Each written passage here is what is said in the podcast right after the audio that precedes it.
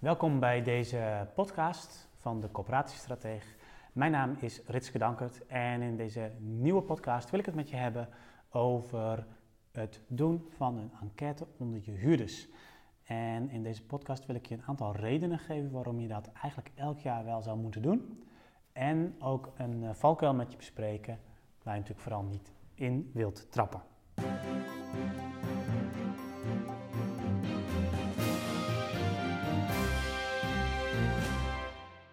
Eerste belangrijk voordeel is natuurlijk dat je weet wat er speelt. Um, natuurlijk heb je contacten met huurders, zeker als je een kleine corporatie bent, heb je natuurlijk uh, ook als beleidsmaker zie je dicht bij de huurders, uh, heb je veel contacten. Um, als je wat groter bent, kan dat ook op verschillende manieren, misschien met themaavonden of met, uh, met een huurdersorganisatie, hoor je natuurlijk altijd een en ander. Maar met een enquête weet je zeker dat je ook de huurders die niet per se op een bijeenkomst hun mond open doen of die in een uh, tijd besteden, veel tijd besteden aan uh, zitting nemen in een huurdersorganisatie, dat je die ook kunt gaan horen en dat je ook hun mening, hun mening te weten komt. Um, dus je krijgt een veel breder beeld van al je verschillende huurders. Um, een tweede ding is dat je dingen hoort die je anders niet hoort. Um, dat kunnen kleine ergernissen of irritaties van, uh, van huurders zijn die, ja, die niet voldoende irritant zijn om het, uh, om te melden als, als klacht of als reparatieverzoek. Maar als je ernaar vraagt van, goh, uh, heb je nog suggesties die dan wel opschrijven in een enquête. En ja, op die manier kun je er nog meer voor zorgen dat je huurders tevreden zijn en kun je ook misschien wel problemen, grotere problemen later voor zijn. Een mooi voorbeeld van de coöperatie die dit dus al jaren doet, is dat zij op een gegeven moment via deze enquête te horen kregen van huurders dat er uh, problemen waren met, met, met vocht in woningen.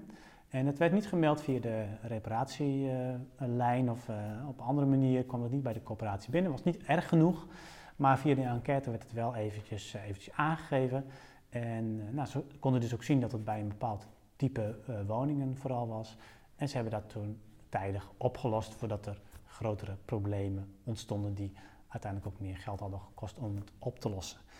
En uh, als bonus hadden ze natuurlijk heel tevreden huurders, want die zagen dat er ook iets met hun inbreng gebeurde. Um, nou, zo zijn er nog een heleboel andere dingen die je, ja, die je eigenlijk niet kunt, van tevoren kunt bedenken, maar die je wel uit zo'n enquête kunt halen.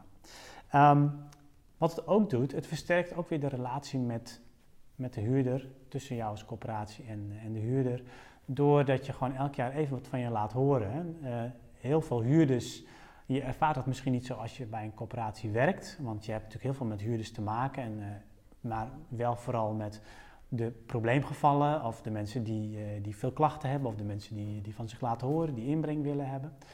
Uh, maar de allergrootste groep huurders, daar heb je eigenlijk geen contact mee nadat je de sleutel hebt overhandigd tot het moment dat ze weer de huur opzeggen. Um, en die groep, uh, ja, als je daarmee meer contact wil hebben en ook weet, wil weten wat zij vinden, want het is wel een hele grote groep. Het is belangrijk om te horen wat zij vinden van jou als coöperatie en uh, wat je voor hun kunt verbeteren. Um, nou, dan, dan is zo'n enquête, jaarlijks terugkerende enquête, daar een goed middel voor. Nou, een, valkuil is dan om het als coöperatie helemaal zelf te gaan doen, zo'n enquête. Want um, je kunt het ook samen met je belanghebbenden doen. Als eerste natuurlijk gewoon met je huurdersorganisatie. Want je ziet veel huurdersorganisatie, uh, dus ik hoor veel van corporaties dat hun huurdersorganisatie, en ik, zie dat zelf ook bij visitaties, dat hun huurdersorganisatie niet altijd representatief is voor alle verschillende huurders die, uh, ja, die bij je corporatie wonen.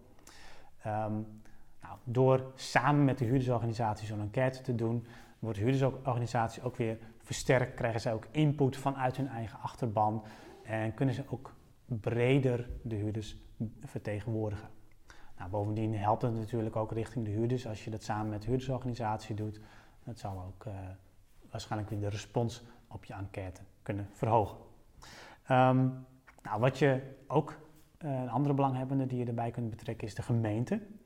Uh, je ziet ook in de coöperatie van het voorbeeld, die dat dus al jarenlang doen, die vragen niet alleen maar naar aspecten van de woning, maar ook aspecten van de woonomgeving. En ze krijgen dus ook opmerkingen uit die enquête te horen over bijvoorbeeld losliggende trottoirregels. Um, en zij wijzen hun huurders dan wel op de, de, de reparatielijn van de gemeente.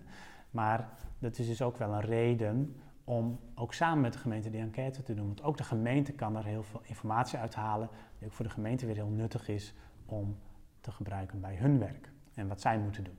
Het voorkomt overigens ook dat je als coöperatie in de vuilkast stapt, dat je het werk van de gemeente gaat overnemen. Dus kijk ook samen met belanghebbenden um, ja, of, je dat, of je dat samen kunt doen. Um, en ga er dan vooral ook uh, mee aan de slag. Maak het vooral ook niet te groot, want uh, uiteindelijk is het gewoon een aantal vragen die je elk jaar opnieuw weer aan bewoners stelt.